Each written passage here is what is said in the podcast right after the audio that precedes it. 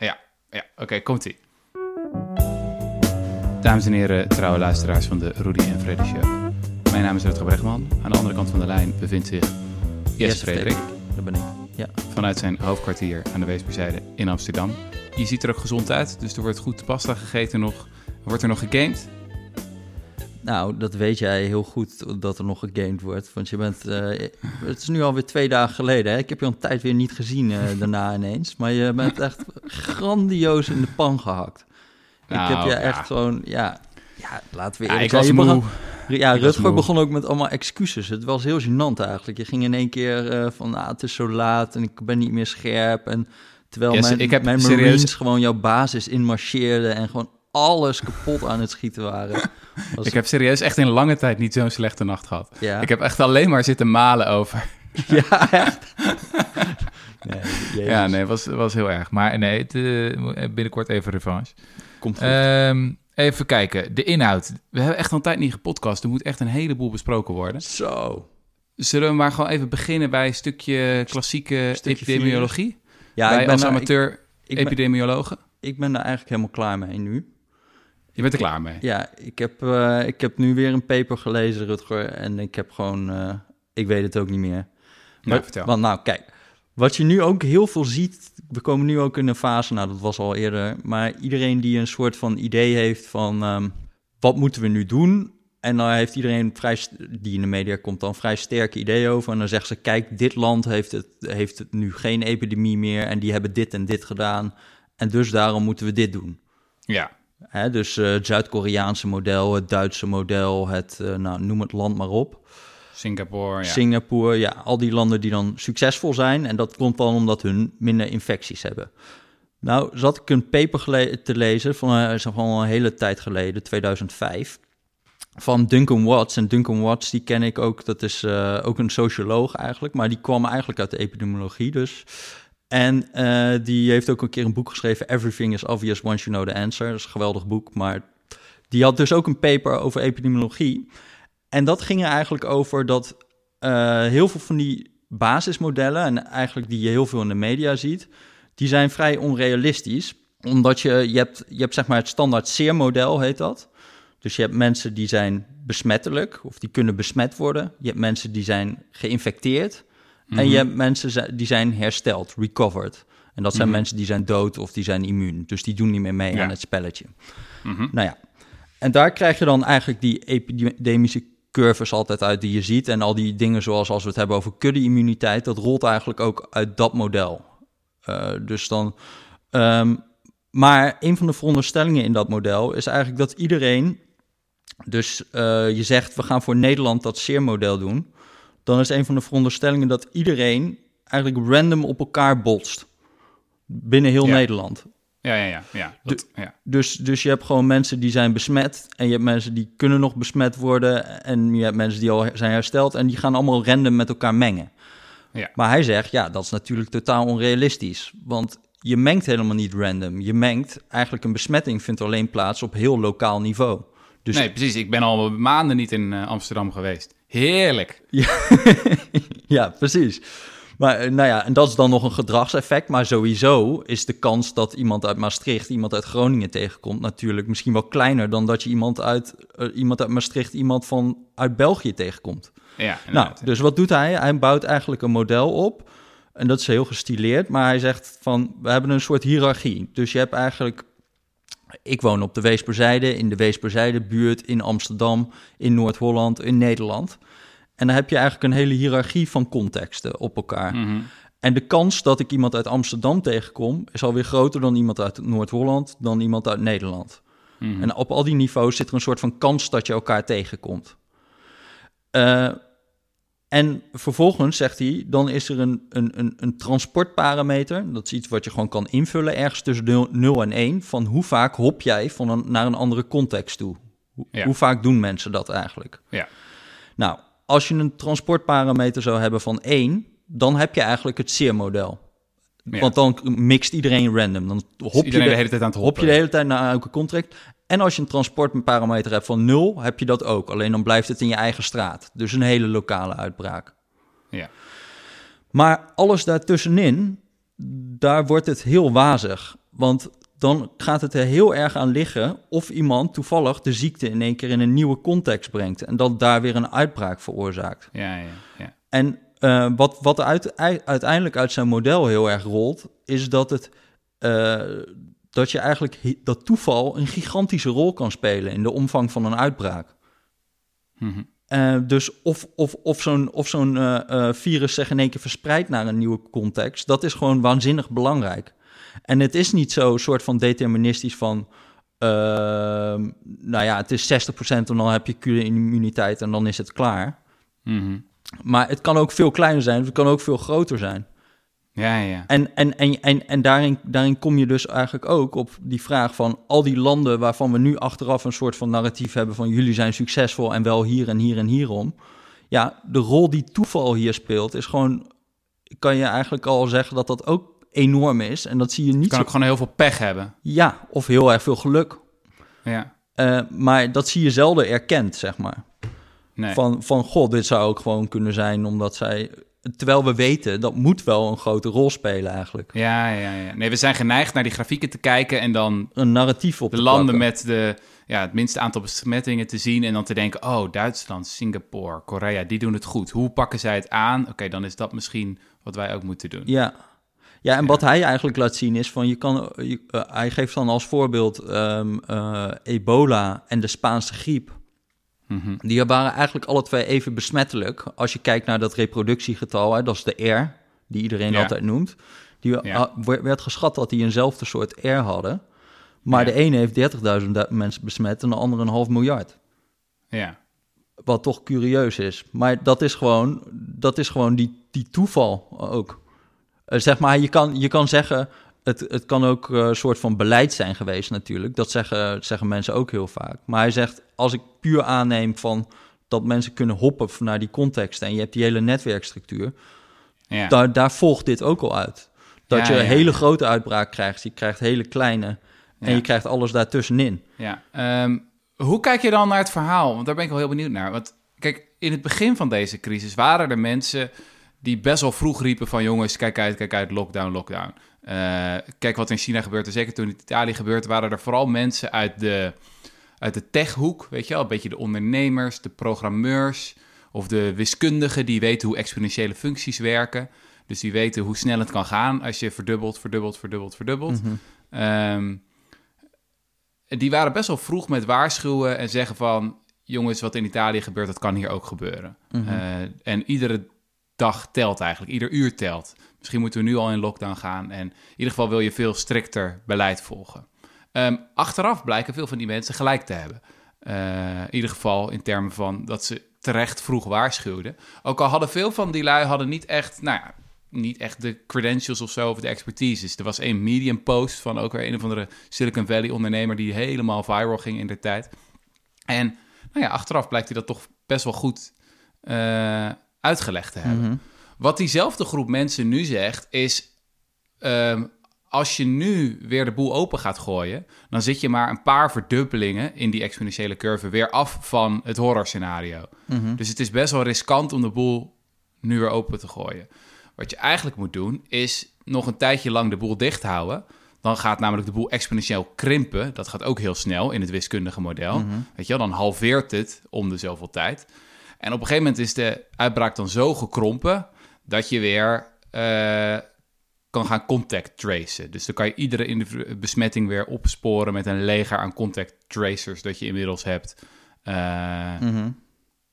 opgeleid.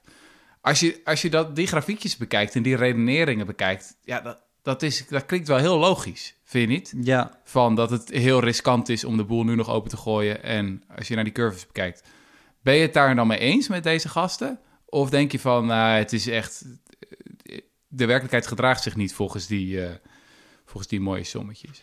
Ehm, ja, ik vind dit zo moeilijk. Ik, ik, weet, ik weet dat eigenlijk niet zo heel erg goed. Ik denk wel dat daar. ehm, Nee, ik, sorry, ik weet het gewoon echt niet. Ik weet het gewoon echt niet. Ik ik, ik, ik- de ene dag neig ik heel erg naar van, ja, volgens mij eh, is het flink aan het afnemen. En volgens mij is ook echt het gedrag behoorlijk veranderd. Hè? Dus we zijn Ja. allemaal al nu wel een stuk voorzichtiger, überhaupt. Zelfs Mhm. als je het zou Mhm. opengooien. Maar nee, ik weet het echt gewoon niet. De realiteit is dat, gewoon, dat überhaupt eigenlijk niemand het weet, toch, in Nederland? Dat we ook niet echt goed weten welke maatregelen het meest hebben bijgedragen aan uh, het terugdringen van de R, Ja. van de verspreiding van het virus. Nou ja, en, en wat, dus, wat dus ook een beetje uit dat model wat ik net eh, eh, beschreven is, van dat R, daar wordt wel heel erg veel op gekeken, terwijl er zijn nog wel andere dingen. Zoals bijvoorbeeld, zoals je zegt, zo'n transportparameter, van hoe vaak hoppen we nou naar een andere context. Als alles heel lokaal blijkt, blijft, dus alles blijft in Uden, zeg maar, en mensen Mhm. uit Uden, die gaan niet meer weg uit Uden. Ja. Eigenlijk is een uitbraak überhaupt raar, want het een uitbraak zijn altijd lokale uitbraken. Het kan alleen maar lokaal plaatsvinden. Dus een reeks lokale uitbraken, dat is een pandemie. Ja.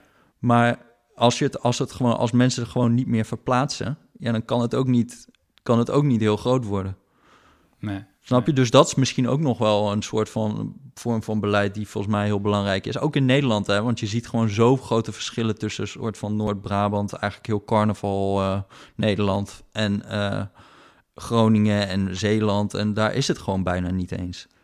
Ja, ja. Dus als mensen zich, ehm, als, je, als ze dat ook een beetje behouden, dat mensen gewoon niet te veel het, eh, de kans geven om het virus überhaupt in een nieuwe context te brengen. Ik denk dat dat ook al heel veel bijdraagt. Maar ja, goed, kijk, ik, ik, ik be- begin gewoon echt een waanzinnig neer te dalen van Mount Stupid, denk ik. ja. En ik hoop dat, ik denk dat, dat gewoon, je komt er gewoon achter hoe gewoon gigantisch ingewikkeld dit, eh, dit hele Ja. probleem is. Want er is, er zijn nog zoveel van die factoren die je dan ook niet weet. Hè? Van nog steeds van de temperatuur, wat boeit dat nou? Dan laatst hoorde ik weer die eh, Duitse viroloog, die Christian Dorsten, die had dan een heel verhaal over. Nou, er zijn in Singapore was er ook nog een andere virus strain die misschien minder eh, schadelijk is. Ja. Krijgen we dat ook nog? Ik word, ik word, ik word al ziek van de hoeveelheid variabelen die hier ja. spelen. Maar ja, dan, ja. ja.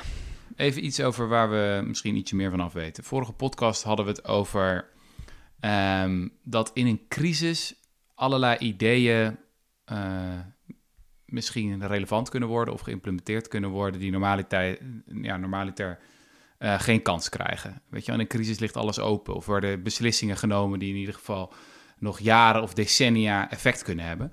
En toen vroegen wij ons af van wat zouden nou de ideeën kunnen zijn in Nederland die nu op de plank liggen. ja.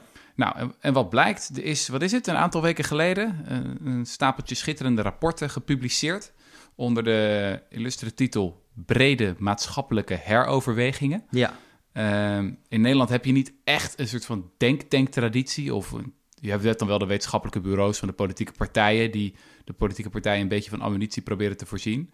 Maar ja, waar dat in, in andere landen, vooral denk ik de VS, vooral wordt door, door denktanks wordt gedaan, wordt dit in Nederland gewoon door ehm, ambtenaren gedaan. Dus het zijn allemaal ambtelijke groepen die rapporten schrijven over, ja, eigenlijk wat er mogelijk is, toch? Het is een beetje een menukaart voor de formatie, wordt het ook wel genoemd.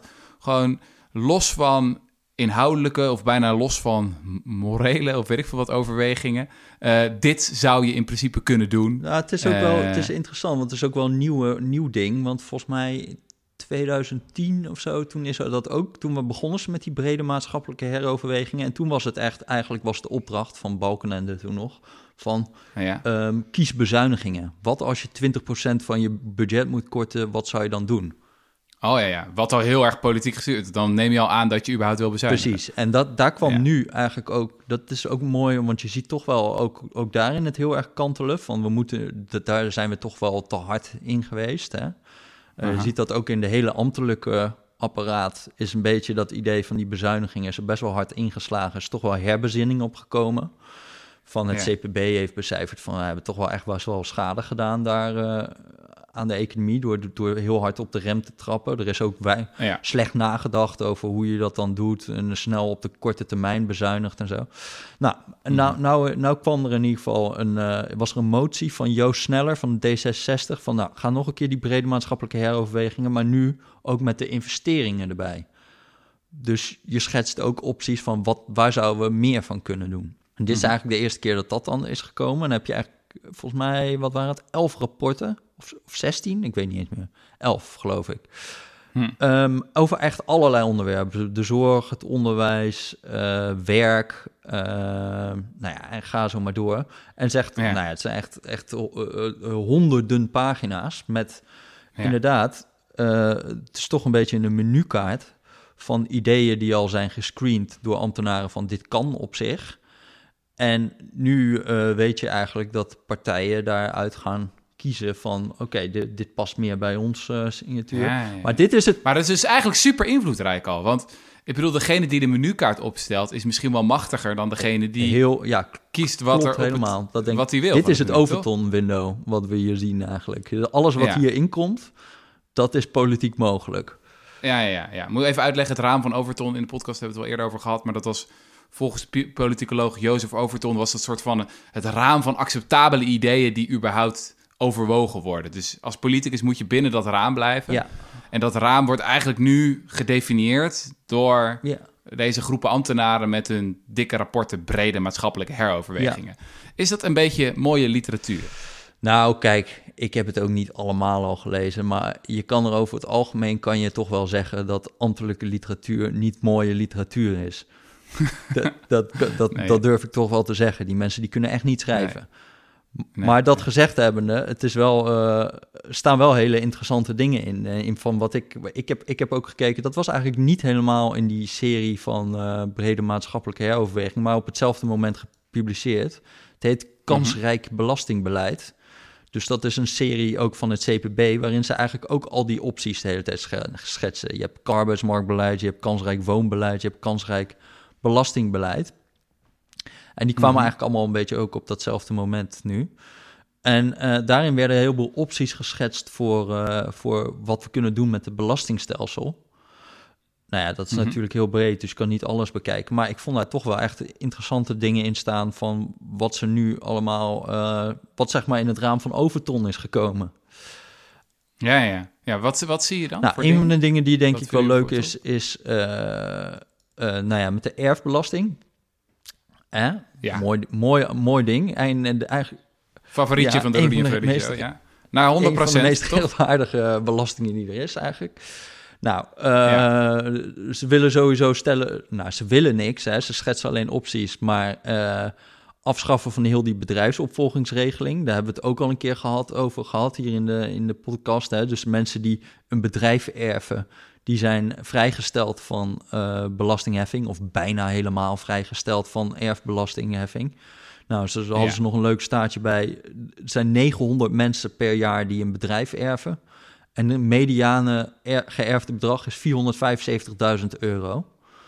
En die zijn dus helemaal vrijwel vrijgesteld van eh, eh, eh, erfbelasting. Nou, Lekker, zij zeggen daar kan je 300 miljoen euro mee verdienen elk jaar als je dat afschaft. Vond ik mooi, maar Ja. dat wisten we eigenlijk al dat die ambtenaren dat ook vinden. Maar Ja. wat En het argument was vroeger altijd van... ehm, je wil bedrijven niet belasten met de erfbelasting... omdat dan misschien het bedrijf kapot gaat... en niet kan worden overgenomen door de volgende Daar generatie. stellen zij, daar dat stellen blijkt zij eigenlijk eigenlijk voor, maak daar een betalingsregeling van. Kijk, als, als, als je niet in één keer kan afrekenen die, eh, die erfbelasting, dan smeren we het over tien jaar uit of over twintig of weet ik veel wat. Ja, Maar het moet geen reden zijn om jou helemaal vrij te stellen van belastingheffing. ja. Eh, maar interessanter nog in die erfbelasting, zij stellen eigenlijk voor, ga het helemaal omvormen en ga uit van de ontvanger en doe het op basis van levenslange ontvangsten. Dus Ja, ja, ja, Dat is ja, geweldig, staat erin, echt in? Staat erin. Ja, dat, dat is geweldig. Dat is dat t- Tony Atkinson idee. Precies. Daar hebben we het echt al ja- jaren geleden over Ja. gehad. Ja, Dus het, echt het idee van je mag als persoon een bepaald bedrag aan erfbelasting ontvangen, of sorry, aan erfenis ontvangen in je hele leven. En een bepaalde drempel is dan belastingvrij. Dus als jij, laten we zeggen, 100.000 euro mag je ontvangen. Dus als jij 10 keer een erfenis krijgt van 10.000 euro, prima, dat valt er binnen, klaar. Je kan ook één keer van 100.000 krijgen, maar als je daar dan boven komt, dan eh, gaat het oplopen. Wat het dus heel erg aanmoedigt, eh, dat mensen hun erfenis gaan verdelen. Dat ze het niet allemaal geven aan het ene lievelingskleinkind, maar dat ze gewoon alle kleinkinderen Ja. krijgen wat. Weet je wel? Of ook nog eh, die leuke mantelzorger in de straat. Of die ene leuke mevrouw van de kerk. Weet je wel? Gewoon eigenlijk Ja, eerlijk delen. precies. En ik, en ik denk ook, het levert wat meer helderheid op in dit debat. Want mensen gaan heel erg uit van de, degene die vererft in plaats van degene die het ontvangt. Ja, En je zou heel die, er- eh, ook de erfbelasting gaat daar eigenlijk vanuit. Van je, maar je moet, en Ja, je ja, moet ja. het eigenlijk natuurlijk zien als inkomen. En, en je zegt, kan gewoon zeggen, ik vind dat iemand gedurende zijn hele leven, nou, twee, drie ton mag krijgen, weet ik veel. Dat is best wel ruim, hè? Maar, eh, ja. en, maar daarboven, dan gaan we, het, gaan we het gewoon fors belasten. Volgens mij is dat ook veel makkelijker uit te leggen. En het is ook, denk ik, nog wel leuk voor degene die zijn testament aan het opstellen is. Dat diegene gewoon weet van, nou ja, kan niet alles aan één iemand geven. Of dat kan ik wel doen, maar dat is een beetje zonde, want er wordt bijna alles door de Belastingdienst Ja, gepakt. Nou, ik ga eens even nadenken over wie er allemaal belangrijk is in mijn leven. En ik ga wat breder Ja. daarover nadenken. ja, Ja, ik vind dit dus zo'n ja, geniaal nee, idee. inderdaad. En, en, en, en dan is er nog heel veel in te vullen van hoe ga je dan die tariefstructuur doen en zo. Hè? Dus van hoe, hoe ga je dat dan belasten? Maar het lijkt mij wel heel goed Mhm. als dit er gewoon wordt gedaan. Gewoon als een soort van de structuur van heel die erfbelasting moet eigenlijk deze richting op. We gaan gewoon kijken naar levenslange ontvangsten. Moeilijkheid hierbij is dus wel, Ja. dat zeggen zij ook, van hoe ga je daar nu mee om als je dat nu... Maar dat is met alles, hè, met de uit, uitvoering. Maar hoe ga je daar nu mee om met iedereen die al Ja. heeft ontvangen? Daar hebben we geen data meer van. Snap je? Dus dan, dan zit je met het ding uit het verleden. Eh, Ja, maar je, moet er een keer mee beginnen, toch? Nee, dat klopt ook. Anders kan je nooit iets Ja. eh, veranderen. Ik ben heel benieuwd of politieke partijen het gaan opnemen in Ja, het programma. Nee, ik ook. Maar en we- welke ik heel interessant vond, eh, maar misschien wa- was dat al langer, maar Mhm. daar, daar ben ik dus heel enthousiast over. Een belasting op de grondwaarde. Eh, die, staat, die staat ook in, eh, nou, in een, van die, een van die brede maatschappelijke heroverwegingen. Kijk, Dat moet je even uitleggen. ja, zal ik even uitleggen. Kijk, eh, wij hebben natuurlijk al een belasting op vastgoed. Dus de onroerend zaakbelasting, dat heeft eh gemeente. Hè? Dus die kijkt naar wat is de WOZ-waarde, wat is de waarde van jouw woning. En daar gaan we een bepaald percentage over heffen. Ja. Nou, is een heel oud idee eh, van, nou, de meest bekende man die daarmee heeft, hoewel die nu helemaal niet meer bekend is, maar Henry George. Ja.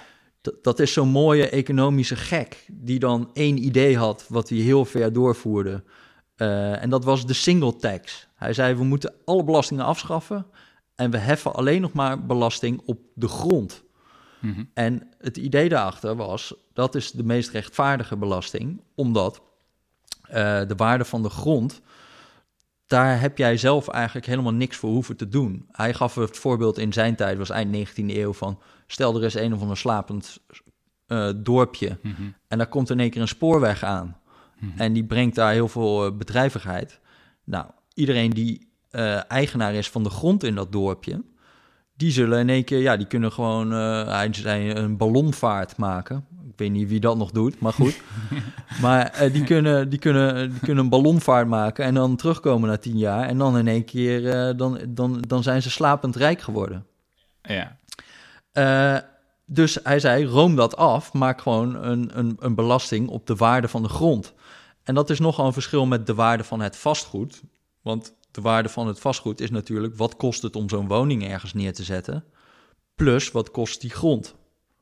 Aha. En die, die, wat je, eh, het vastgoed, eh, zeg maar, het, eh, het, het opstal, heet dat gewoon de, het gebouw. Ja. Ja, daar heb jij zelf wat voor gedaan. Daar heb jij in geïnvesteerd. Dat kost geld. Dat is jouw eigen Ja. ding. Ja. Maar dat, dat iemand die in Hartje Amsterdam of die op de Zuidas ergens iets had gekocht en daar wordt een metrostation naast gelegd, ja, dan neemt ook de waarde toe. Maar daar heb jij in principe niks voor gedaan. Ja, en doorgaans wordt de opstal juist steeds minder waard. Ik bedoel, ja, het huis Ja. wordt gewoon ouder. Ja, tenzij mensen heel erg houden van oude huis of zo, dan wordt het misschien in die zin meer waard. Maar het is vooral de grond die meer waard Ja. wordt. En daar doe je doorgaans nee, geen klap precies. En het heeft ook eigenlijk, ehm, want dit is puur qua rechtvaardigheid. Hè? We zeggen gewoon eigenlijk, we gaan renteniers belasten. Mhm.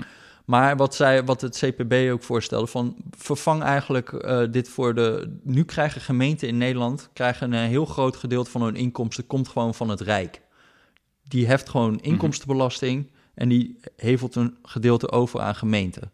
En maar een heel klein gedeelte heffen ze eigenlijk zelf aan belasting. Mhm. En dat is dus de onroerend zaakbelasting is een gemeentelijke belasting. Hij zegt, zij zeggen eigenlijk, doe een veel groter deel via die grondbelasting. Want dat is heel gezond voor een gemeente. Want als zij dus investeringen doen, goede investeringen doen, dan zien zij die opbrengsten terugvloeien aan zichzelf. Hmm. Snap je? Mhm. Dus eh, als zij een metrostation ergens naar, eh, aanleggen, ja, op dit moment slaan heel veel van die opbrengsten van metrostations slaan neer bij anderen. Dus bij, bij, bij private Ja, ja, ja, grondbezitters. ja. Dus een, een soort Ja. van, er zijn heel veel van die studies die dan laten zien, bijvoorbeeld, eh, je hebt er eentje van ehm, eh, CPB ook een keer gedaan van de ondertunneling van de A2 bij Maastricht. Nou, daar komt iets van eh, 220 miljoen euro aan woningwaarde bij, puur door dat ding. Maar Aha. dat komt niet bij de overheid terecht. Wat, terwijl je daarmee eigenlijk gewoon dat hele project misschien wel kan bekostigen. Krijg je dan niet een soort van concurrentie tussen gemeentes?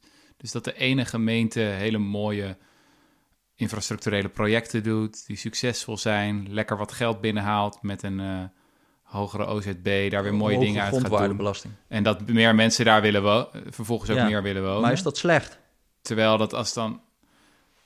Nou ja, eh, ik, ja, ik kan me voorstellen dat als je op een gegeven moment in een slechte spiraal komt als gemeente, dat je bijvoorbeeld, eh, nou ja, wat minder succesvolle projecten hebt en daar vervolgens ook je inkomen niet meer eh, eh, kan scoren. Ja, Ja, ik zit gewoon een beetje na te denken over die implicatie. Je, je krijgt meer dan ook een, ik kan me, kan me voorstellen, een dynamiek van concurrentie. En dat ook een gemeente kan zeggen van, luister, je betaalt hier misschien wat meer belasting als je hier komt wonen.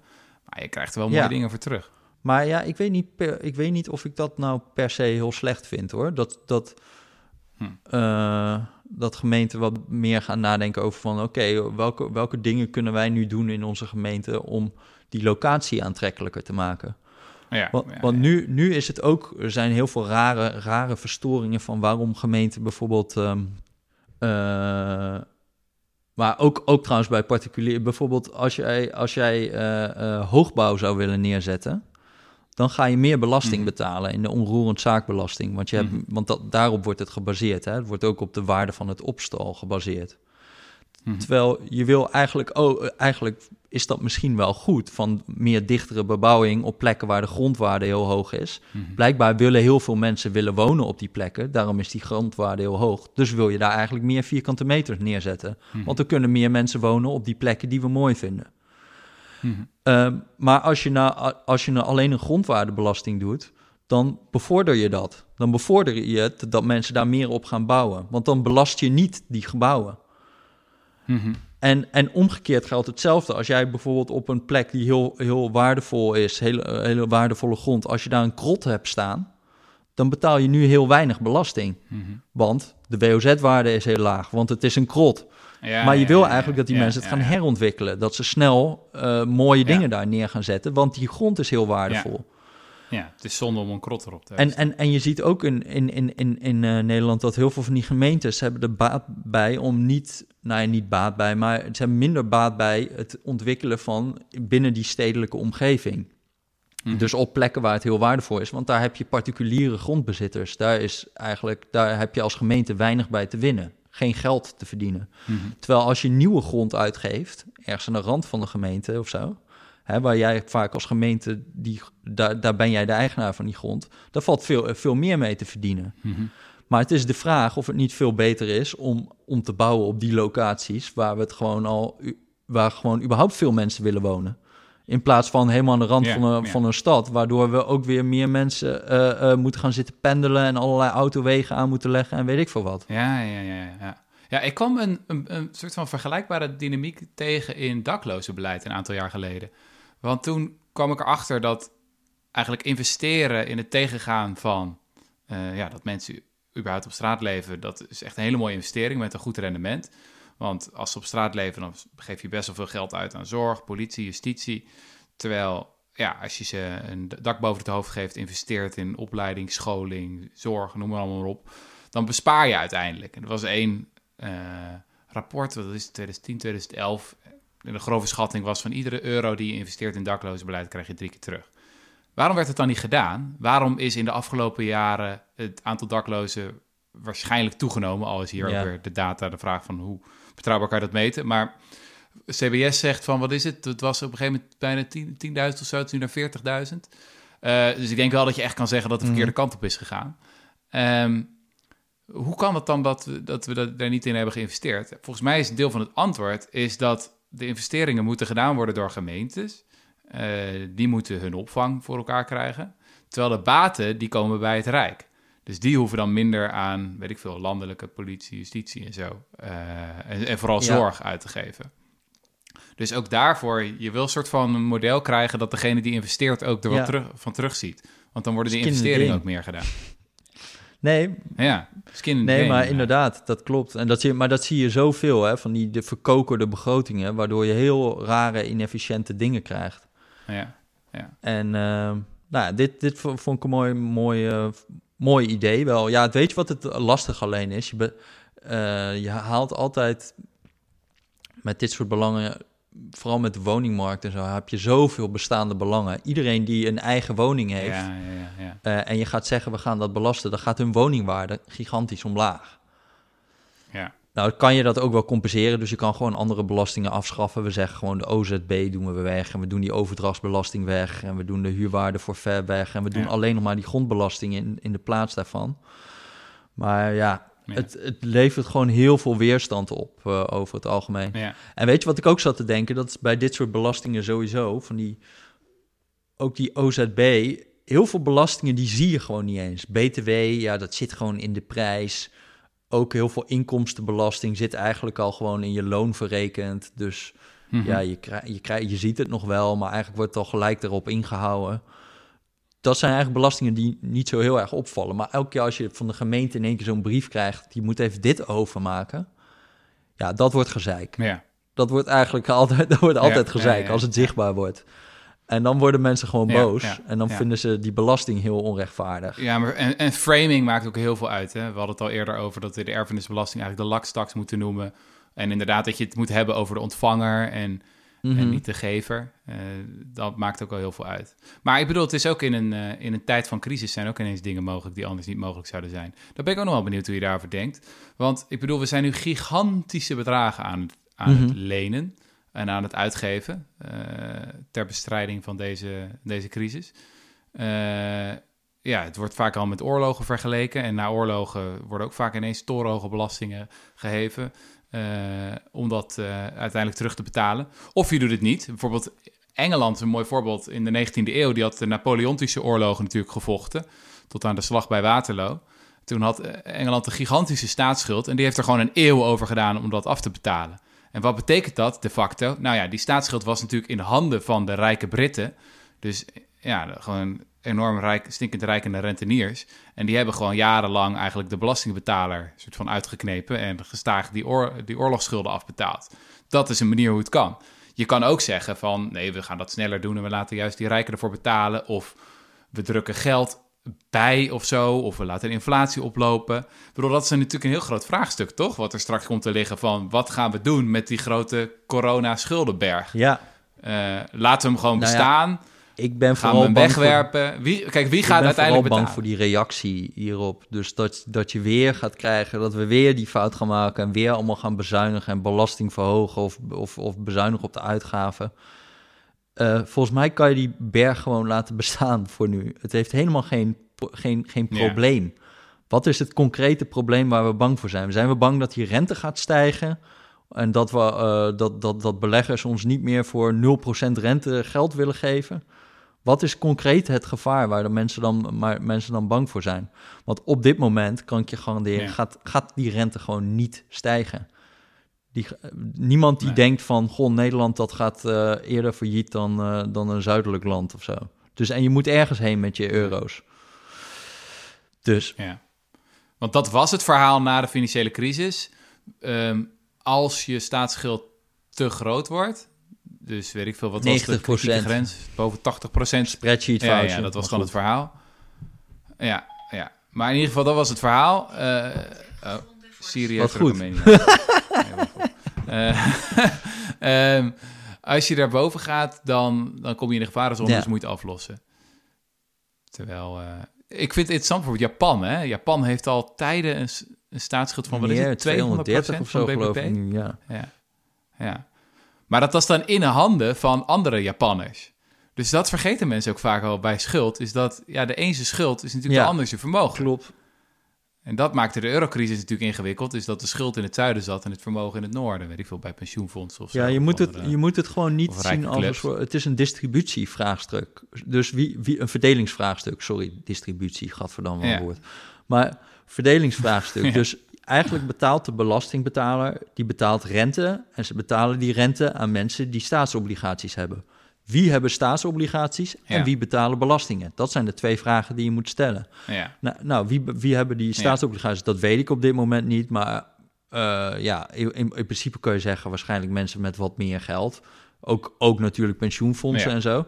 En wie, wie betalen belastingen? ja. Nou, dat ligt eraan wat wij kiezen, hoe we dat precies doen.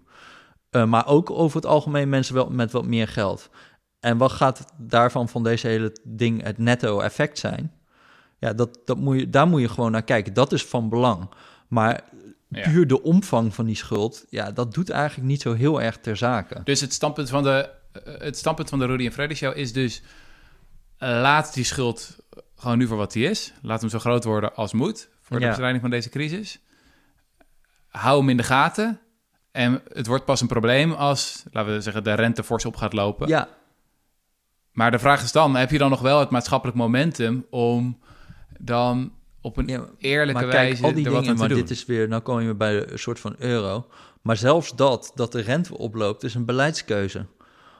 Maar helaas niet, van, niet helemaal van Nederland. Hoewel, ik kan ook nog wel wat trucjes verzinnen wat wij zouden kunnen doen als, we, als die rente oploopt.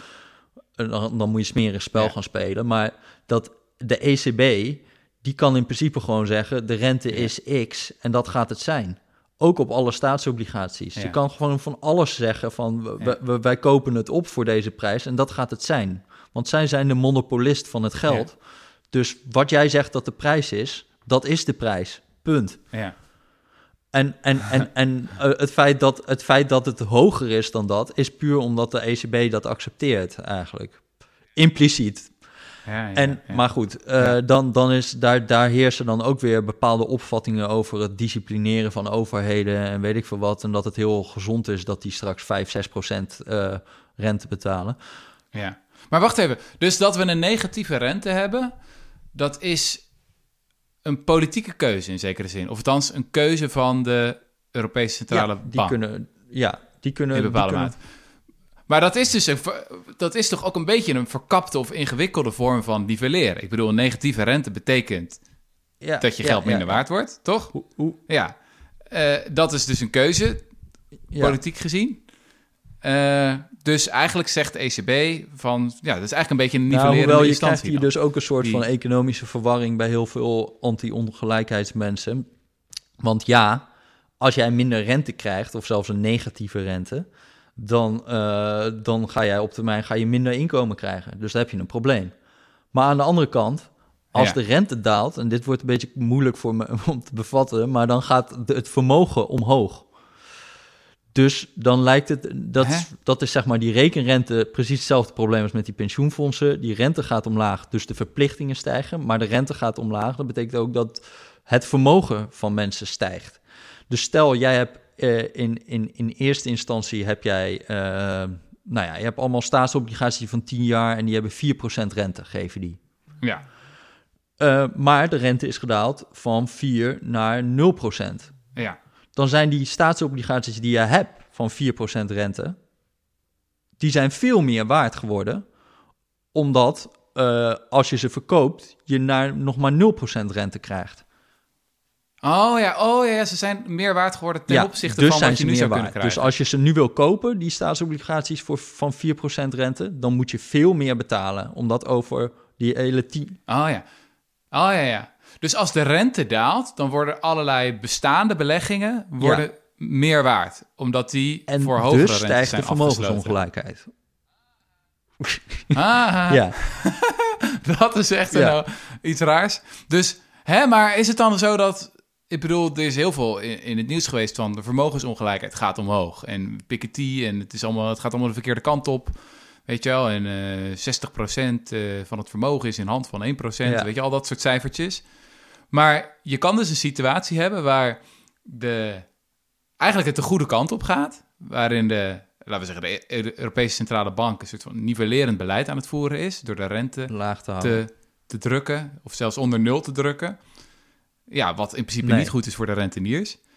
Maar dat daardoor in de statistieken het lijkt alsof het juist goed gaat. ja, met, en dit eh, is wel echt het probleem met al die vermogensongelijkheidsstatistiek. Want daar ben ik echt waanzinnig sceptisch over geworden. Over wat, wat we daar nu precies aan kunnen afleiden.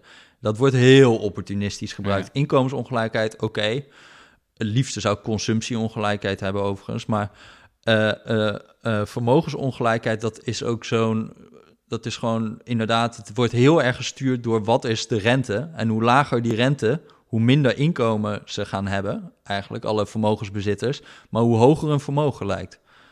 En daarbij ga je ook nog heel arbitrair eigenlijk... ehm, Kijk, ja, en met die vermogensongelijkheid is dus ook gewoon het grote probleem. Landen met een sterke verzorgingsstaat, daar gaan mensen niet sparen. Ze, want ze hebben het niet nodig, want ze sparen eigenlijk bij de overheid. De overheid zorgt ervoor dat wij een WW-uitkering krijgen. De overheid zorgt ervoor dat wij straks een pensioen hebben. De overheid zorgt ervoor eh, dat we bij ziekte niet helemaal, eh, ehm, zeg maar, eh, financieel geruineerd worden. Nou, in een land waar dat niet gebeurt, zoals in Amerika, of in, of in, of in landen met een zwakkere verzorgingsstaat, Mhm. daar gaan mensen gewoon meer sparen in de middenklasse, omdat die voorzieningen er niet zijn. Dus ze zeggen vaak, ja, Nederland, qua inkomensongelijkheid is het wel oké, maar vermogensongelijkheid is enorm groot. Ja, dat komt precies en exact omdat wij een goede verzorgingsstaat hebben. Dus wat, wat, wat, moet, je daar, wat moet je daar Ja, nu uit ja. afleiden? Van, Dus nivelleren leidt tot meer vermogensongelijkheid. Eigenlijk wel. Dus heel vaak zegt die vermogensongelijkheid eigenlijk iets over dingen die wij goed vinden gaan. En dan zeggen wij het gaat slecht, maar eigenlijk gaat het goed omdat de vermogensongelijkheid soms stijgt. Ja. Maar misschien Nee, moeten we dit niet Precies. verklappen. Dit is ook een, een zeer geschikt eh, econo- eh, soort politiek argument wat je altijd kan gebruiken, maar ik geloof het gewoon niet meer zo. Nee, nee. Oké, ehm, is er nog meer in die eh, maatschappelijke brede heroverwegingen Nou, ik denk dat we nog wel een paar hebben? Podcast later over kunnen vullen, maar dit was het voor mij nu wel even. Wat ik nog wel had, was de, C- de CO2-heffing. Oh ja, Ja, die komt er nu aan. het is wel echt smullen deze podcast. Ja, jongen, alleen maar belastingen. Ja. Heerlijk. Ja. Ja. Nee, eh, eh, hij leek heel even uitgesteld te gaan worden. Hè? Dus we, er is een heel lang eh, soort van debat met dat klimaatakkoord. Kan je nog wel herinneren dat Jesse Klaver ook heel boos was. Er moet een CO2-heffing komen voor de industrie. Ja. Hè, de industrie die, die moet meebetalen aan de hele klimaatverandering tegengaan. En dus gaan we een belasting op CO2 invoeren. Mhm. Nou ja, daar is aan gewerkt. Maar nu was er eh, corona. Nu leken ze, twee weken geleden kwam er een bericht van... nou, ze willen dat eigenlijk uitstellen. Mhm. Toen is er iets gebeurd. En toen is hij er toch, is die eh, internetconsultatie gekomen van die wet. Dus nu is hij online, hij is gepubliceerd. Dit gaan we doen met die eh, CO2. Mhm. En die heb ik even zitten lezen. Nou, ik, ik, vind, het, ik vind het mooi. Ik eh, denk niet dat het ooit ervan gaat komen, maar ik heb wel heel veel respect voor hoe ze dit hebben geflikt. Want volgens mij is dit hier gewoon iets heel, is, is hier een hele handig ding gekomen. Kijk, politiek Mhm. is dat sowieso een beetje een raar ding geweest met die CO2-heffing. Want heel de industrie en de elektriciteitssector, die betalen eigenlijk al voor CO2. Wordt heel vaak gezegd, die betalen niet voor CO2. Mhm. Dat doen ze wel. We hebben alleen in Europa hebben we de emissiehandel. Dus iedereen die eh, CO2 wil uitstoten, als industrie of als kolencentrale, die moet daarvoor rechten kopen. Mhm. Hè? Dus je, ko- je koopt rechten om CO2 uit te stoten. Nou, die rechten die hebben een prijs. Op dit moment zijn ze 20 euro. Eh, eh, dus je betaalt eigenlijk 20 euro per ton CO2 als je in de industrie zit of eh, in de ding. Ja. Dus als je dan een Nederlandse heffing er nog bij doet, dat loopt allemaal dubbel op. is eigenlijk ja, sowieso een beetje dubbel op. En het is misschien niet handig, want als je dat toch wil, waarom doen we dan niet in Europa gewoon een strenger emissiehandelssysteem? Waarom moet Nederland weer eigen beleid gaan voeren voor al deze bedrijven die ook al internationaal zijn? Dus daar krijg je alleen maar gehannes van. Ja. En het argument is toch dat een emissiehandelssysteem gewoon wat intelligenter is. Dus een belasting is best wel lomp. Dan moet iedereen Ja. hetzelfde betalen eh, binnen de industrie. Terwijl een emissiehandelssysteem zegt... oké, laten we eerst het laaghangende fruit plukken. Dus eh, ja, de, de industrieën die zo goedkoop mogelijk... zo snel mogelijk kunnen verduurzamen. Weet je, laten we zeggen, er is een hele vieze, vuile fabriek... eh, ergens in Hugo Waard of zo... en die kan gewoon voor een kleine investering veel duurzamer worden. Nou, doen we dat als eerste... Ehm, en je doet als laatste pas de dingen Ja, die, je, klopt. die het dat, is, dat is het idee. Dus eigenlijk zeg je, zeggen ze met die emissiehandel, zeggen ze gewoon, we hebben zoveel rechten elk jaar. Het maakt ons niet uit hoe die omlaag gaan, maar we gaan elk jaar minder rechten uitgeven. En we, die gaan Ja. dan verhandeld worden. Ja, en nou ja, dan mag de, mogen zij het verder uitzoeken van hoe ze dat gaan doen. Er rolt gewoon vanzelf een prijs uit. Maar goed, Nederland wilde dus daarbovenop nog een CO2-belasting. Alleen voor Ja, en die gaat er ook komen. En er is heel veel gejank over uit de industrie.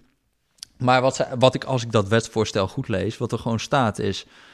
eh, we gaan eigenlijk pas beginnen een beetje met die wet in te voeren in 2021. Dan staat er, Mhm. de Europese Commissie... die komt dan met voorstellen van... gaan we dat emissiehandelssysteem aanscherpen?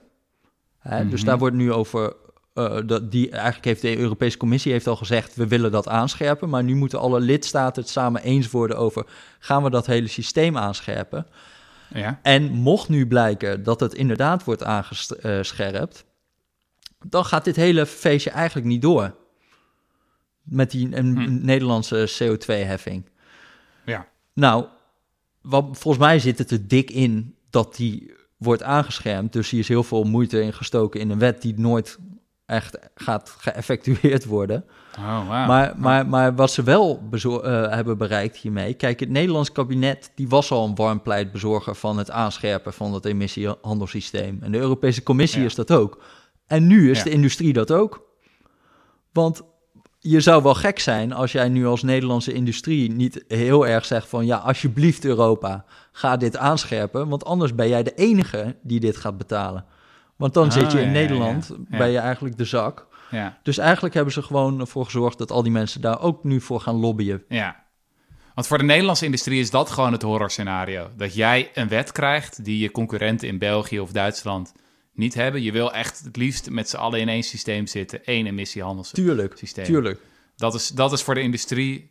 En wel begrijpelijk, toch? Ik denk dat ze daar Ja, wel gelijk hebben helemaal gelijk in. En het is ook Ja. veel eleganter en veel beter. Want dit, dit, als dit wetsvoorstel er echt komt, ja, het lijkt mij gewoon heel ingewikkeld, veel gedoe. En eh, hoe je dit dan weer gaat uitvoeren allemaal. Het is gewoon dubbel op. Ja. Het, is, eh, het is ellende.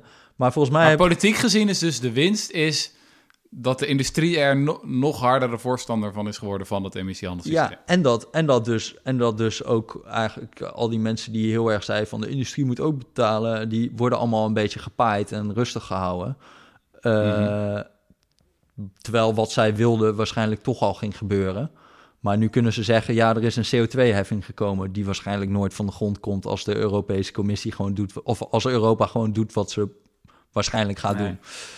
Het is ook weer een lesje framing. Hè? Ik bedoel, het is toch sowieso fascinerend dat dat hele emissiehandelssysteem, dat is echt gigantisch. Dat is misschien wel een van de grootste wetten die, die er u- überhaupt in de wereld is, of überhaupt ooit in de wereldgeschiedenis is doorgevoerd. Dat zo'n grote, groot samenwerkingsverband van landen over zoveel takken van, van industrieën zegt, weet je wel, er moet een prijs betaald worden voor CO2. Ik bedoel, de, de ambitie die ach- achter zoiets ligt is gigantisch. Ja, En de ja, meeste mensen weten niet eens dat het bestaat. Hey, we hebben nog één dossier te bespreken. Eh, Oh Jazeker. Eh, het mooie stokpaardje, het paradepaardje, het, eh, ja, het mooiste altijd in de, in de show waar we het over hebben. Het basisinkomen, Jesse. Ja, er zijn ja, een reeks ja. van zogenoemde basisinkomen-experimenten geweest in Nederland. In gemeenten als Utrecht en Nijmegen. De vraag is wel een beetje of ze überhaupt nog iets met het basisinkomen te maken hadden. Hoor. Het was een soort van bijstand-experiment, kan ik het eigenlijk beter noemen. Wat werd er gedaan? Eh, je zou eigenlijk kunnen zeggen van eh, een soort van vriendelijkere bijstand. Dus mensen kregen de ruimte in de bijstand bijvoorbeeld om wat bij te verdienen. Of kregen wat intensievere begeleiding bij het zoeken naar een baan. Of ze werden überhaupt met rust gelaten. En dan waren er ook controlegroepen. En het idee was van, we gaan kijken wat werkt. Dat was ook de titel van het Utrechtse experiment. Ja. Weten wat werkt. ja, ja. Er wordt een boel gekletst, er wordt een boel geleuterd. Maar wij gaan wetenschappelijk onderzoek doen naar wat werkt. Nou, en eh, wat blijkt, eh, in ieder geval in de interpretatie van Utrecht, is dit werkt. Dus inderdaad, we moeten gewoon die bijstandsgerechtigen wat meer ruimte geven eh, om bij te verdienen. Wat minder treiteren aan de balie van de sociale dienst. Wat meer met vertrouwen misschien ook benaderen. Eigenlijk een beetje in de richting van het basisinkomen. Ba- meer basisinkomerig, basisinkomenachtig moeten we onze sociale zekerheid maken. ja. Ehm, En eh, in Nijmegen waren ze geloof ik iets sceptischer. Daar kwam niet zoveel uit het, eh, uit het experiment. Of het- de vraag is natuurlijk ook van, eh, ja, wat is de maatstaf? Ja, we hadden dat al gezien bij het Finse experiment. Dat toen werd door sommige mensen werd geconcludeerd van... oh, het basisinkomen werkt niet... want er zijn niet meer mensen uitgestroomd naar betaald werk. Terwijl ja, dat is misschien heel veel van de voorstanders...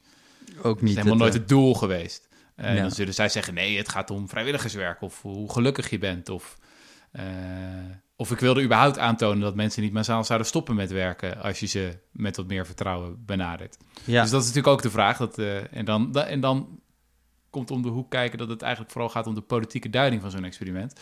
Maar misschien moet het eerst even eh, in de wetenschap duiken.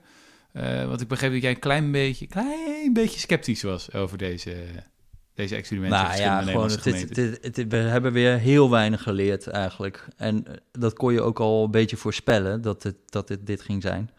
Het, het punt is gewoon, dit is allemaal te klein. Eh, en, dat, en, je- en je ziet ook eigenlijk op al hun uitkomsten van hoe is de uitstroom naar werk. Ja, dat zijn allemaal niet, zijn allemaal niet significant. Dus dat betekent, eh, ze hebben een te kleine steekproef om te zien of er een substantieel verschil is tussen de controlegroep, dus de mensen die, eh, die geen behandeling kregen, en de mensen die wel een behandeling kregen. Ja. Die verschillen zijn heel klein. ja, dus ze zagen wel, vers- ze zien, zien wel verschillen, maar dan, dan denken ze, ja, het kan ook toeval zijn. Ja, precies. Dus En, en je had dat niet gehad als je gewoon een veel groter experiment had gedaan. nou, dan kan je het betrouwbaarder waarnemen. Ja. Ehm, maar ja, dat zegt misschien ook al wat. Want eh, het, eh, het punt is, is dat die effecten dus dermate klein zijn dat je hele grote onderzoeken nodig hebt. En als die effecten heel groot waren, dan had je misschien dan had je het met een kleiner onderzoek had je het ook al waargenomen. ja. Eh. Maar dat is hier dus niet het geval. Je hebt het over effectgroottes die echt minimaal zijn. Ja. Eh, ik zag eh, Bas van der Klauw, dat is een econometrist, die had even een draadje op Twitter wat wel interessant was. Mhm. Want die zei van, ze hebben dus in Utrecht, hebben ze, eh, want dat is ook nog een probleem, hè? het is niet vrijwillig. Dus ze vroegen ook gewoon mensen om mee te werken. Dus Mhm. heel veel mensen deden dat ook niet, of die stopten er gewoon mee. Mhm. Nou, 9 9002 bijstandsgerechtigden ging- werd gevraagd om eh, zachtjes uit de bijstand geholpen te worden. En daarvan deden er 787 deden daaraan mee. Mhm. En nou ja, daar is dan weer heel veel gestopt. In ieder geval, uiteindelijk hebben ze dan eh, bij 188 mensen hebben ze begeleiding gegeven. Mhm. Dus dat is niet... niet eh, en daarbij zijn er zeven zijn er, eh, extra aan het werk gekomen ten opzichte van Hmm. controlegroep. En dat is niet eens significant, hè, dus dat kan ook nog toeval zijn. Ja. Maar zeg maar, dit is de orde grootte van wat die effecten ongeveer zijn. Ja. En ik denk dat als je mensen, als je ze soort van, we gaan dit experiment doen, dat mensen veel meer verwachten van dit soort eh, interventies. Dus je gaat mensen of je gaat ze heel veel wortel geven, of je gaat ze heel erg met de stok slaan. Ja, alle twee zijn die effecten gewoon eigenlijk niet zo heel erg groot. Nee, nee. Eerlijk gezegd was dat dan voor mij dan misschien wel de belangrijkste takeaway. In de zin van, jarenlang is de sociale zekerheid steeds strenger geworden in Nederland. En ook steeds wantrouwiger. Eh, weet je wel, tot op het punt dat op een gegeven moment ambtenaren van de sociale dienst in je bosjes liggen met een verrekijker om te checken of je niet eh, ongeoorloofd met iemand aan het samenwonen bent. Of de, nou, de beruchte tandenborsteltellers. Weet je, die gaan kijken of je niet te veel tandenborstels hebt, wat ook weer suggereert dat je samenwoont met iemand anders. Ehm, heel erg vanuit de angst van, ja, als je mensen te veel hun gang laat gaan, dan blijven ze op de bank zitten, dan doen ze niks, weet je wel. Vanuit het toch eens wat cynisch mensbeeld. Ehm, ik vind hier het interessant is dat, dat je dus van alles kan doen en er gebeurt niet zoveel. Dus je kan gewoon best wel wat sympathieker zijn tegen mensen. Ja, en maar- goed, dat, dat levert niet won prachtige resultaten op. Het is niet dat mensen dan ineens een hele dikke baan hebben en een schitterend LinkedIn-profiel. Nee. Maar je betaalt ook niet zo'n hoge prijs. Dus als je dan kan kiezen tussen aardig doen en lullig doen, waarom zullen we dan niet gewoon aardig doen? Maar ehm, eh, als je bijvoorbeeld hebt over wat in die, in die experimenten was van bijverdienen, dus Ja, dat, we niet gaan invorderen als je iets extra bijverdient, ja, ja, dat heeft dus ook niet zoveel effect. Dus dat kost wel geld, ja. maar het heeft niet een, een, een, een gigagroot effect. Dus, dat, Nee.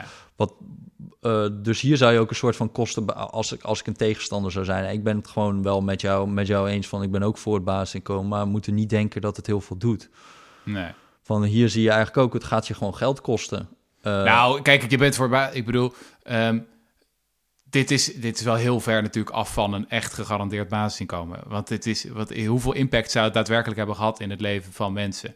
Eh, je zit al in de bijstand en vervolgens, ja, het wordt iets relaxter. Uh, of je zat in een groep waarin je iets meer begeleiding kreeg, maar hoe intensief was die begeleiding? Het was niet dat er iedere dag iemand bij op de, op de stoep stond, weet je wel? Uh, Hierbij zat ik, die, ik zat hierbij te denken bij al die onderzoeken, wat nou leuk zou zijn als ze een keer zouden doen. Ja. Is dat ze gewoon van tevoren aan wetenschappers en wethouders en weet ik veel wat vragen van, oké, we gaan nu dit experiment doen. Uh, we gaan duizend mensen gaan we deze behandeling geven. Hoeveel daarvan denk je dat we extra aan het werk komen?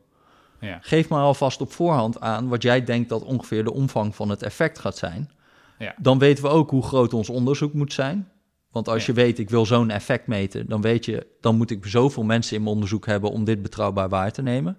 Mhm. Maar het geeft ook meteen aan, voor de politieke discussie komen we wat verder. Als mensen van tevoren aangeven, ik denk dat dit er gaat gebeuren. Achteraf kunnen we dan vaststellen of dat ook daadwerkelijk het geval was. En dan Mhm. kan jij of je mening een beetje bijpassen of niet. Mag je ook zelf Ja. weten. Maar dan zijn we in ieder geval expliciet geweest over wat we dachten dat er ging gebeuren. Ja. En dan uh, daarvan, daarvan kunnen we denk ik gewoon allemaal iets leren. En wat het ook denk ik is, is een goede pedagogische les voor uh, een heleboel politici en nou, journalisten mogen er ook aan meedoen voor mij. Dat eigenlijk bijna alle interventies die je in de sociale wetenschappen hebt, en daar word je heel depressief van, maar die hebben gewoon niet zo'n groot effect. Aha. Bijna alles is klein. Ja. En, en, en, en ik denk dat er heel makkelijk over dingen wordt gezegd dat ze heel groot zijn, maar dat zijn ze niet. Dingen, dingen Nee. gebeuren. De, en, en ik denk Is dat niet gewoon omdat er, omdat er zo... Ik bedoel, dat gaat een beetje terug op het begin van het gesprek over de epidemiologie. Er zijn gewoon zoveel variabelen. Dus het idee dat als je één variabele een beetje verandert... dat dan de hele wereld verandert... Ja, ja, ja. dat is niet heel waarschijnlijk. Alleen, Alleen in onze gestileerde modelletjes doen we vaak alsof er maar weinig variabelen zijn. ja, En dan pas je een van de variabelen aan. En dan, oh ja, groot effect, weet je wel? ja, Terwijl nee, in de echte wereld gebeurt er gewoon heel erg veel in een leven van een mens. ja, En moet je niet het idee hebben dat als jij als overheid één dingetje anders gaat doen, dat dan ineens het leven van mensen ook totaal verandert. nee, precies. Gewoon kleine interventies, relatief, hebben kleine effecten. En dat is helemaal niet zo gek. Van, eh, de, de, er is een soort van school van gekke sociale psychologie-achtige theorietjes over van als ik, eh, ja. Als ik zeg maar... Tipping points en zo. En, eh, ja. Ja, of als, als ik een bejaarde zie eh, lopen op een filmpje, dan ga ik zelf ook langzamer lopen. Dat soort shit, Ja. weet je wel. Van, eh, dat, dat alles van die enorme implicaties heeft hoe jij je gaat gedragen of hoe jij je anders gaat doen. Nou, als dat allemaal waar zou zijn, dan zou ik echt heel moeilijk door het leven gaan. Zou ik niks constant zijn. Zou ik de hele tijd alle kanten op worden genudged en vliegen. En oh, nu ga ik weer alles anders doen. Nu ga ik ook weer alles anders doen. Ja, nee, zo Ja. werkt het natuurlijk ook helemaal niet. En Nee. net zoals bij ja, bijverdienen van dingen, ja, waarom denk je ook dat het hele grote effect heeft? Ja. ja. Ja, deprimerend. Maar eh, Ik vind het ook wel interessant eh, om na te denken over welke rol de wetenschap dan nu precies speelt, ook in politiek opzicht. Want als ik eerlijk ben en als ik naar die experimenten kijk, dan zie ik het misschien ook meer als een politieke beweging dan als een soort van wetenschappelijke beweging. Ik bedoel, er waren gewoon een heleboel gemeenten echt ontevreden met de participatiewet. mhm, eh, die ze gewoon te streng vonden. En nou, in sommige gevallen zelfs vernederend. Dus ze vonden het gewoon niks. Er waren ook gewoon heel veel mensen die dit beleid moesten uitvoeren. Die zoiets hadden van, ik vind dit gewoon rot. Ik, ik wil niet zo omgaan met bijstandsgerechtigden. Ik wil het anders doen. En dan leven we in een tijd dat als je het anders moet doen... dat je moet zeggen, ja, maar dat blijkt uit onderzoek. Dat is Ja, eh, ja, wetenschappelijk onderzocht, dus ik ga dat bewijzen. En ja, wie kan tegen een experiment zijn? Ik bedoel, je moet wel een beetje een holbewoner zijn om tegen een experiment te zijn. Dus je kan dan heel gaan zeggen, ah, laten we het gewoon experimenteren. Nou, dan ga je dat experiment doen. En dan doe je gewoon heel veel dingen onderzoek je. En dan kan je daarna gaan shoppen in de resultaten. En dan zeg je van, het klopt. Maar dan wordt eigenlijk een beetje... Van een politieke discussie wordt het een wetenschappelijke discussie. Terwijl in de eerste plaats waar het gewoon om ging is... Ja, hoe willen we met elkaar omgaan? Ja, Eh, daar ging het eigenlijk gewoon om. Ja, Vinden ja, we dit een normale manier om om te gaan met bijstandsgerechtigden? Alleen dat wordt dan vermomd tot een soort van wetenschappelijke discussie van wat is de efficiëntste manier om mensen aan het werk te krijgen? ja, ja, ja, ja. Maar goed, laten we eerlijk zijn, daar hebben we ook allemaal een rol in gespeeld. Want wat, dat, dat is natuurlijk de chillste framing. Dat doe jij ook en dat doe ik ook wel eens. Zeker, ja. ja. Van Nee, maar gewoon, dat gewoon tegen- zeggen van, we, we gaan, wij gaan... eh, dat het allemaal baten heeft en dat het economisch ook allemaal heel verstandig is en weet ik veel wat. We zeggen niet van we beroepen ons op de zachte waarden. Ja, Het ja. gaat ons erover, want dat is natuurlijk retorisch Nee, allemaal een beetje Marx, jammer in deze tijd. Marx. Ik bedoel, wat zei, wat zei onze grote vriend? Die zei, al mijn voorgangers, dat waren de utopisch socialisten. Maar ik ben de wetenschappelijke Ja, ja, socialist. ja. Ik heb een wetenschappelijke analyse van het kapitalisme gemaakt. En daarom nou ja, ben ik de real deal, zeg maar. Dus dat is... Dat Kijk, dit is onleesbaar, heel- dus goed. ja, inderdaad. Nee, maar ik bedoel, dat is natuurlijk altijd heel aantrekkelijk... om op die manier op een soort van retorische wijze... de wetenschap aan je zijde te krijgen. Want ik heb een experiment gedaan. En er is gewoon volgens mij altijd een, een soort van politieke strijd... om, om dat soort framingen. Om wie is de echte realist? Wie is echt wetenschappelijk? Wie is echt onderbouwd? Je ontkomt er ook niet echt aan om mee te doen aan die strijd, denk ik. Nee, klopt, klopt. Eh, trouw luisteraars, eh, ik hoop dat jullie het einde hebben gehaald. Het was een eh, stevige podcast, lekker wat eh, beleid voorbij gekomen. Ehm, volgende keer, wat gaan we volgende keer doen? Gaan we dan weer lekker de epidemiologie uitnodigen? Weer een of andere... Ja, dat kan. Of gewoon juist even er helemaal klaar mee. Ik begin eigenlijk wel een beetje uit die hele... Ja, dat mag eigenlijk niet, hè. Maar ik, ik heb eigenlijk wel weer zin in even iets anders ook. En even iets anders, ja. Ja. ja. ik zat ook te denken, je was natuurlijk voordat je... eh, voordat dit alles begon, had ik jou aan de lijn. Je was bezig met een heel dik verhaal over de toeslagenaffaire in Nederland. Oh, was nogal episch eh, en nice aan het een worden. hele, hele Eh, eeuwigheid. En toen, toen hadden wij op een gegeven moment een moeilijk telefoongesprek... waarin ik jou probeerde duidelijk te maken... dat echt niemand geïnteresseerd zou zijn... in jouw verhaal over de toeslagenaffaire. Nee, toen moest en ik dat je dat stoppen. maar gewoon even moest laten zitten... eh, en gewoon even wat virologie moest gaan bestuderen. maar misschien dat het inmiddels weer alweer, eh Langzaamaan. alweer kan. Ja. Laat het even horen, luisteraars van de Rudy Ja. en Freddy Show. Of jullie zitten te wachten op een 10.000 woorden exposé van Jesse Frederik over de toeslagenaffaire. ja. Eh, we horen het graag.